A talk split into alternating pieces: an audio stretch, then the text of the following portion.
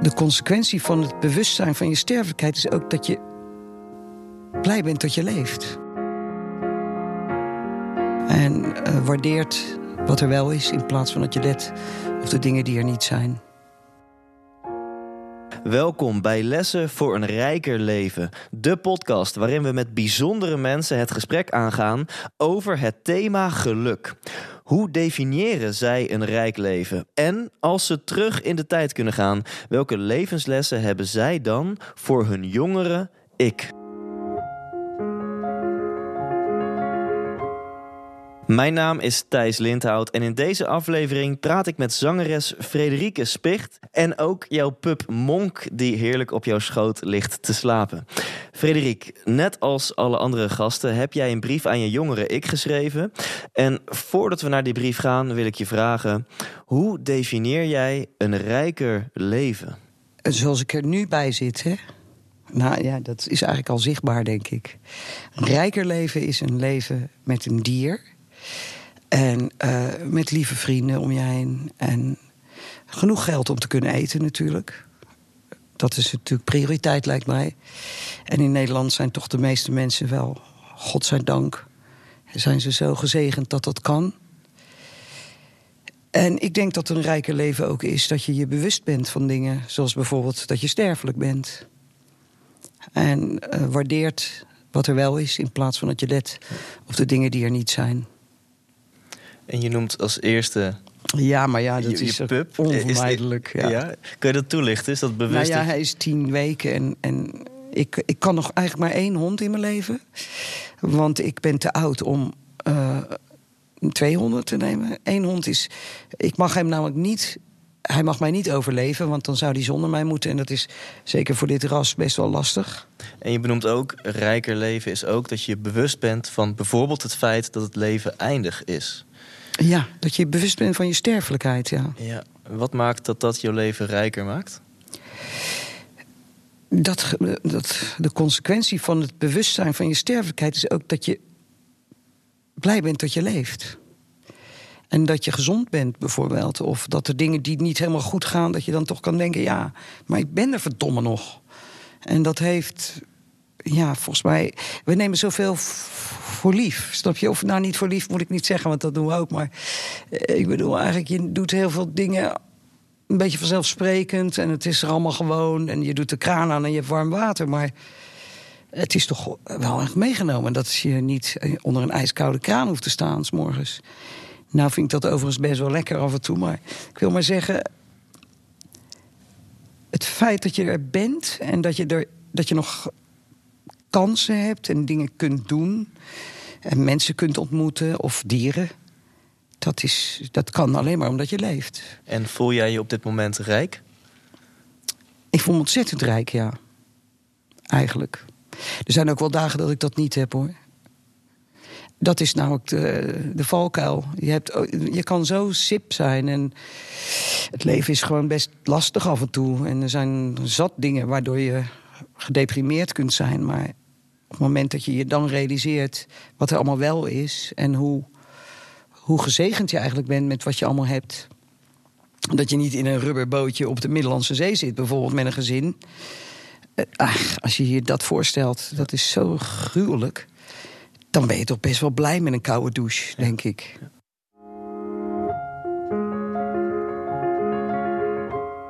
Ik denk inderdaad dat uit jouw levensloop vanzelf wel blijkt dat het leven ook zwaar kan zijn. Uh, misschien een goed moment daarom om, om je brief erbij te pakken. Ja. Uh, want jouw eerste brief schrijf je aan een zeven jaar jonge Frederike. Dat is 1964. Ja. Rotterdam, 1964. Papa zei dat we geen vragen over het Jappenkamp mochten stellen. Er helemaal niet over mogen beginnen eigenlijk. Daar wordt mama verdrietig van. En dat doe ik dus niet meer.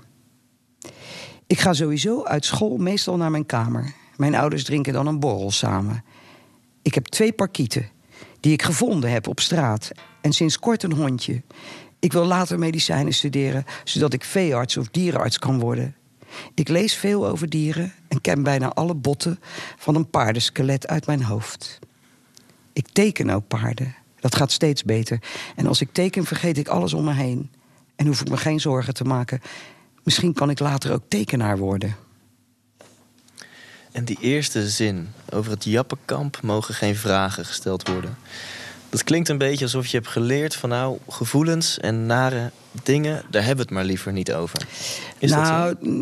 nou, ik denk dat mensen die een kampsyndroom hebben en die dat soort dingen meegemaakt hebben, die in het algemeen willen die daar niet over spreken. Dus er is altijd een groot geheim in zo'n gezin. En dat is natuurlijk al sowieso voor een kind voelt dat onveilig. Ja. En als mama verdrietig wordt, dan, dan eh, genereert dat ook gevoelens van: oh, ik moet oppassen. En, terwijl je eigenlijk die verantwoordelijkheid nog niet Ja. kunt dragen. Dus ik denk dat dat. Dat zijn moeilijke dingen voor kinderen. Dus dat had op jou het effect dat het onveilig voelde thuis. Ja, en dat je ook de verantwoordelijkheid overneemt voor de situatie, snap je? Dus dat je denkt, oh, ik moet dit doen. En als ik het nou zo doe, dan gaat het goed. Dat hebben kinderen sowieso natuurlijk. Je hoort ook altijd als ouders scheiden... dat kinderen altijd denken dat het aan hun ligt. Dus dat zijn toch, Ja. ja, dat zijn moeilijke dingen. Ja. Omschrijf eens dit meisje, die zeven jaar jonge Frederik. Ja, dat is altijd zo lastig, want ik denk dat toen ik zo klein was... eh, dat ik me de dingen die ik nu zeg totaal niet realiseerde. Dat zijn dingen die zich ontvouwen in je leven. Dus dat meisje was... Het was wel een eenzaam meisje, denk ik. Want ik had ook een broertje en ook twee halfbroers en een halfzus. Wij waren een gebroken gezin, eigenlijk ook door de oorlog. En ik denk dat ik... Ja, dat ik wel op mijn hoede was. Ik was... Ik moest ik was heel stil, ik zei heel weinig. Dat heb ik allemaal heel erg goed gemaakt later. Ik ben nu nogal druk vaak. En ik denk dat ik heel goed alleen kon zijn en alleen kon spelen. Want ik maakte me. Ja, ik maakte me. Ik stufte mezelf uit, zeg maar. Ik, ik verdween. Ja. En ik denk ergens ook dat dat voor mij gevraagd werd. Misschien helemaal niet bewust hoor. Want laten we zo zeggen, dat zal je zien. Kinderen willen hun ouders nooit de schuld geven van dingen. Ja. Dat doen ze liever zichzelf de schuld geven. Ja. En jij was er heel goed in om jezelf onzichtbaar te maken. Dat kon ik best wel goed, ja. En hoe dat heeft... ben ik helemaal kwijt nou trouwens. Lukt je nu wat beter om Ja, zichtbaar te zijn? Ja, uiteindelijk heb ik natuurlijk voor een beroep gekozen... waardoor je heel erg zichtbaar bent. Ja, en hoe heeft dan deze jeugd jou als artiest beïnvloed? Eigenlijk denk ik dat die jeugd ervoor gezorgd heeft... dat ik artiest ben geworden. Ik denk dat dat Ja, hoe, hoe zie je dat verband? Nou ja, dat is ook wel zo'n bekend iets eigenlijk toch wel. Dat je de dingen... Ja, om te beginnen was ik natuurlijk als kind altijd aan het tekenen. Dus eigen dingen doen. En ik geloof dat veel mensen, althans uit, van mijn generatie in elk geval... dat het toch een soort sublimering is van, je, van dingen. Dus je, je gevoelens kon je omzetten in, in muziek of, je, of in een mooi, mooie tekening. En dan maak, doe je iets met je emoties. En dat is natuurlijk altijd... Ja, dat voelt altijd als een soort troost, denk ik. Ja. Muziek werd een uiting van je emoties. Ja. Ja. En volgens mij is muziek daarom ook vaak bijzonder mooi. Ja. Niet zo specifiek de mijne hoor, maar in zijn algemeen. Is dat nog steeds zo? Dat als je... Ja, ik probeer het wel heel dicht bij mezelf te houden altijd. Dat heb ik ook altijd gedaan. En natuurlijk, je volgt ook nieuwe, nieuwe dingen. Maar ik was gisteren bijvoorbeeld ergens en eh, daar was een festival in de buurt. En ik hoorde alleen maar de groove. Nou, jongen, ik dacht echt, het was gewoon een soort drumband groove. En de hele dag door. Toen dacht ik, arme kinderen. Dat, dat je dat moet consumeren. Dat er zo weinig creativiteit is, weet je wel. Dat vond ik toch wel schadelijk eigenlijk. Mis je de bezieling in die muziek? Ja, en waarschijnlijk komt dat toch ook door mijn leeftijd. Want er zul- zullen wel dingen gezegd worden die mij dus ontgingen. En bepaalde akkoordenschema's overheen gelegd worden. Of eh, fantastische raps, of weet ik het. Maar ik begreep, ik dacht ineens, ja, als je niet aan de doop bent... dan kan je daar ook niet de hele dag zitten. Ja.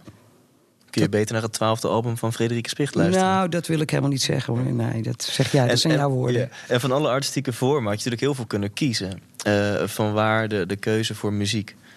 Nou, ik denk dat ik daar gewoon ingerold ben. En ik geloof ook wel dat muziek is zo'n trek. Dat trekt iedereen. Je ziet tegenwoordig natuurlijk ook alleen maar programma's van mensen die beroemd willen worden en muziek willen maken. Wat overigens ook mijn strot uitkomt, maar dat terzijde. Mensen die beroemd willen worden om het beroemd worden. Ja, ik denk dat je gewoon eigenlijk de, essentie mist. Je ziet ze ook haast nooit terug. Het is natuurlijk gewoon. Er wordt natuurlijk ook heel veel geld verdiend met die programma's. En we hebben het hier in deze podcast over lessen voor een rijker leven. Ja. Zit hier een les in van zoek iets om je gevoel, om je emoties in te kunnen uiten? Nou, ik geloof sowieso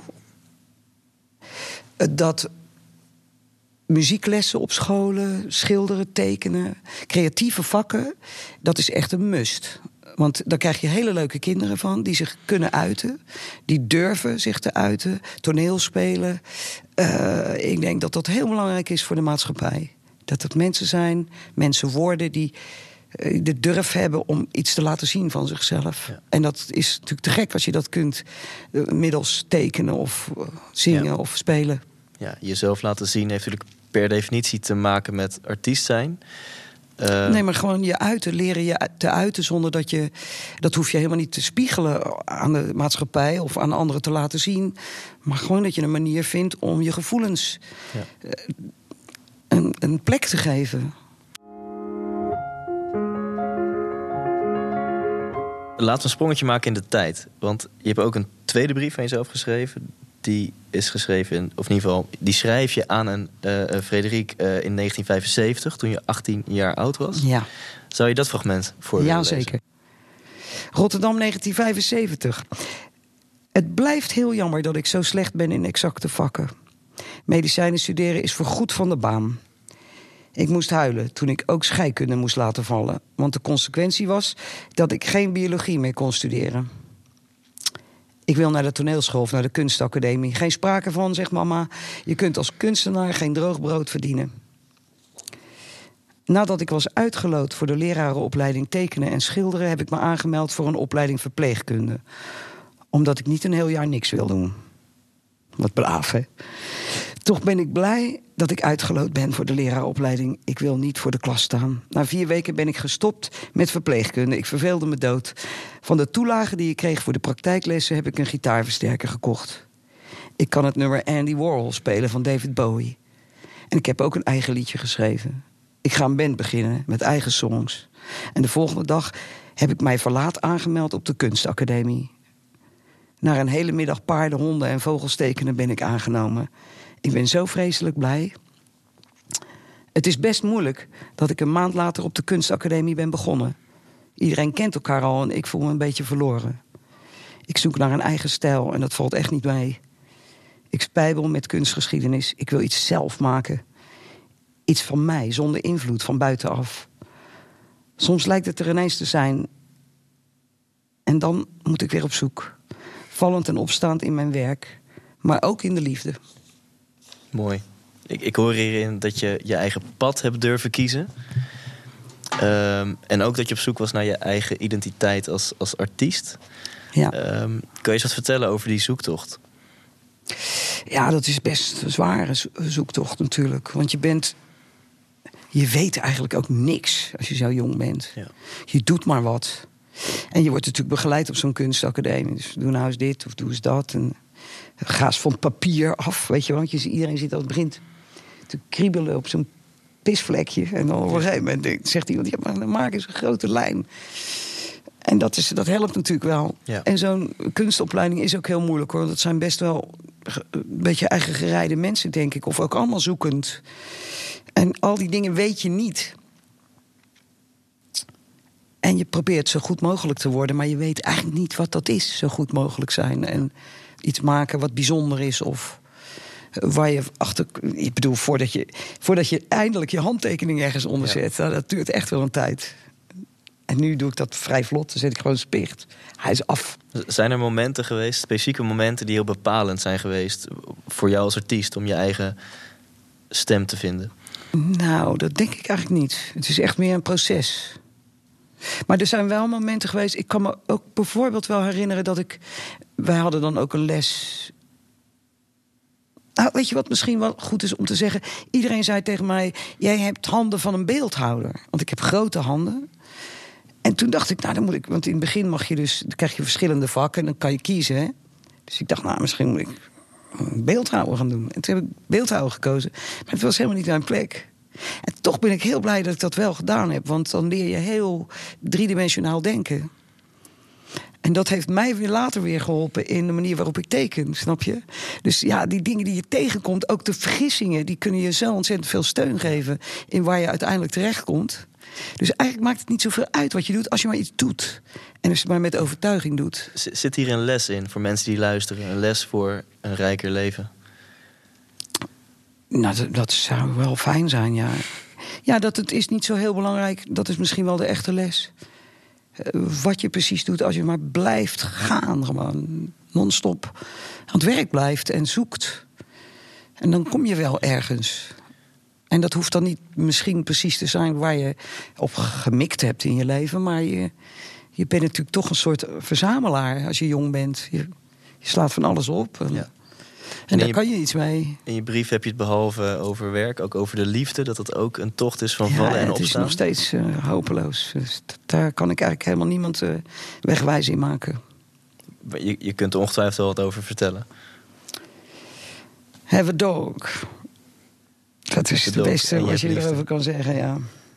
Het is, uh, ik vind het zo ingewikkeld. Het is natuurlijk sowieso al ingewikkeld. Het, het concept is natuurlijk eigenlijk al best wel gek. Dat, je, dat, je, dat het idee is... Ja, mijn moeder wilde dat ik trouwde. En het liefst ook nog met iemand die veel geld had, bijvoorbeeld. Nou, is helemaal niet gelukt, hè, Monk? Nee, dat is niet. Uh, en dat, daar ga je op een gegeven moment. Dan, dan, kom je er wel achter dat dat het in ieder geval niet is. Maar ik ben er ook niet achter gekomen wat het wel is. Laten we eens kijken naar wat je tegen je huidige ik eigenlijk hebt te zeggen. Daar gaat het laatste dat is gedeelte laatste stukje. van je brief. Uh, want die gaat over nu, over 2019. Ik ben nu ook ineens heel benieuwd wat ik geschreven heb. Rotterdam 2019. Afgelopen seizoen heb ik voor de toneelmakerij muziek en muziektekst mogen schrijven. En had ik ook een rol als verteller. Nu heb ik weer tijd om nieuw materiaal te schrijven voor een aankomend album. Misschien al wel mijn twaalfde. En na de zomer ben ik weer gevraagd voor een toneelstuk met muziek. Steeds opnieuw ben ik uitgekomen bij wat diep in mij leefde. Ik denk dat ik gewaardeerd word door mijn authenticiteit. Zelf dingen creëren en dat met anderen delen is waar mijn geluk ligt. Ik blijf op zoek naar nieuwe uitdagingen en probeer me te blijven ontwikkelen. Toch heb ik me bij tijd en wijle ook heel moedeloos gevoeld. Waarom de DJ mijn CD niet draaide. Waarom de wereld draait door mij alleen vroeg om iemand na te doen. Maar ik heb doorgezet en ik ben trots dat ik op eigen kracht en met mijn eigen werk staande ben gebleven. Ik leef met een hond en ik leef muziek. Boosheid, frustratie en eenzaamheid heb ik om kunnen buigen naar iets bijzonders muziek, beeldende kunst, poëzie. Ook dankzij goede vrienden en iemand die mij leerde dat zachtheid en integriteit onaantastbaar maken. De Vree van 16 voelde zich soms zo verloren en wilde hard worden om zichzelf te beschermen. In feite een eenzaam en wanhopig meisje op zoek naar bestaansrecht. Soms ben ik haar nog en moet ik mezelf weer diep in de ogen kijken om de verbanden weer te zien. Waarom ik ben wie ik ben, en dan zie ik dat ik de moed heb gehad om over de randen heen te kijken. Af te wijken van de clichés. En soms tegen alle adviezen in geen droog brood op de plank te kiezen voor het wonderlijke, het ongrijpbare. Niet voor het materiële. Die vrijheid is goud waard. Dat moet iemand zijn die mij kent. Daar heeft het alle schijn van, hè? Ja. Iemand die heel heel goed kent, volgens mij. Ja, denk ik ook, ja. Um, je, schrijft Vree uh, van 16, um, ehm, wanhopig en eenzaam op zoek naar bestaansrecht. Ja. En daarna schrijf je, ja, soms ben ik haar nog. Ja, zeker, ja. Ja. Tuurlijk, ja. Dat, ja, kun je daar wat over vertellen? Ik denk dat iedereen dat heeft. Dat je af en toe toch... Al die dingen, dat zijn een soort stempels of zo in je leven. Daar, kan je, daar, kan je gewoon, daar kom je wel weer eens terug wanhopige momenten. En dan reageer je ook bijvoorbeeld, dat is ook zo bijzonder als er ruzies zijn of er zijn conflicten in je leven, dat je soms gewoon als een kind reageert. Terwijl je, als je goed nadenkt, denk je, Jezus, dat raakt je toch niet, man, gek. Maar dat wordt je dan op celniveau, eh, geeft het je zo'n klap, omdat het iets is wat voorbij is en waar nog steeds, daar zit een litteken of een wond of. Dat gebeurt nog wel eens, ja. Maar gelukkig duurt het dan niet meer zo lang dat je de, de tijd de draad kwijt bent of zo. Dan kun je toch. Dan realiseer je wel dat het iets ouds is of zo. Ja, want welke lessen zitten daar dan in? Dat je, want dit impliceert dat je er vroeger wellicht wat langer mee zat. En nu gebeurt nog steeds, herkent iedereen, denk ik inderdaad ook. Maar zit je er minder lang mee? Ja, omdat je je, omdat je, je realiseert eh, dat de, de manier waarop je geraakt wordt, dat dat iets is wat niet te maken heeft met de situatie. Begrijp je? Dus ja, ik kan daar niet zo gauw een goed voorbeeld geven. Maar... Je kan er misschien wat meer afstand van nemen. Nou, je hebt iets gedaan, je reageert en je zegt: Ja, maar dat, dat zei ik helemaal niet. Of, en je vliegt ineens de bocht uit. En dan denk je: Ja, maar hoe komt dat nou? Dat, nou dan, dan realiseer je ineens dat dat je zo kwetst, omdat je daar vroeger een soort wanhoop had. Of iets wat. Ik kan het niet beter uitleggen. Het je, eindigt, je eindigt je brief met een vrijheid die goud waard is. Ja, is wat, wat is die vrijheid voor jou die zo goud waard is? Nou, dat je niet hoeft te conformeren. Dat ik bedoel, dat de beslissingen die ik neem in mijn leven, hoe moeilijk dat ook blijft hoor. Of je iets wel of niet moet doen. Of dat je. Eigenlijk moet ik bekennen, naarmate ik ouder word, dat die eh, dat ik ook veel meer twijfels weer. Dan krijg je dat en dan denk je dat je er bijna bent. En dan begint het weer van vooraf aan, joh. Fuck. Begrijp je dan uh, dat je twijfelt of je het goede doet, of je het goede gezegd hebt, of je op de juiste manier gereageerd hebt, of je liefdevol geweest bent? Snap je? Dat zijn. Die dingen blijven toch altijd weer langskomen. En, en als we het zo in dit gesprek en ook met het voorlezen van je brief, als we het hebben over, over jouw leven en over het verleden, dan aan de ene kant geef je heel eerlijk aan, ja, op sommige gebieden worstel ik nog steeds met dezelfde dingen als 50 jaar geleden. Aan de andere kant, als je zo terugkijkt, heb je het idee dat je naarmate je leven vorderde, wel steeds rijker bent gaan leven door de lessen die je hebt geleerd. Ja, weet je wat het denk ik ook is? Uh, het raakt je om te beginnen minder, omdat je steeds beter ziet wat je uh, reacties zijn, zoals ik net vertelde, snap je? Uh, dus dat je emotionaliteit, die zo uit proportie kan zijn, dat die helemaal niet nodig was. En dat je veel sneller denkt: jeetje man, maak je niet zo druk. Er is niks aan de hand, het is maar muziek. Hè, weet je wel, zoiets. En natuurlijk ook. Um, ja, met een beetje geluk leef ik nog twintig jaar. Dus ik denk ook, ja, weet je wel, zoek het lekker uit na mij de zondvloed. Heb je er zin in? Nog minimaal 20 jaar? Ja, heel erg. Ik heb nog honderd ideeën, joh. En ik daar eigenlijk tekort. Ja.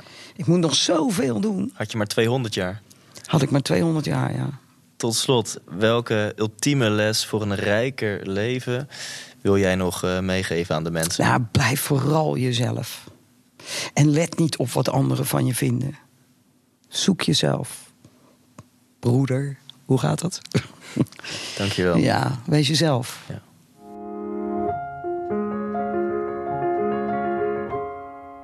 Dit waren lessen voor een rijker leven.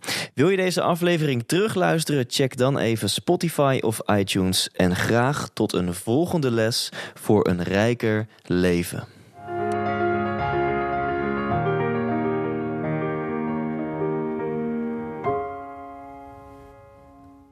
Ervaar een rijker leven. Ontdek de waarde van een partner die u echt begrijpt. Een netwerk dat u inspireert. En een service die zich uitstrekt tot uw dierbaren. Zodat u zich kunt richten op de ervaringen die er het meest toe doen. Met degene die er het meest toe doen. Private banking bij Insinger Gielissen. Every step of the way.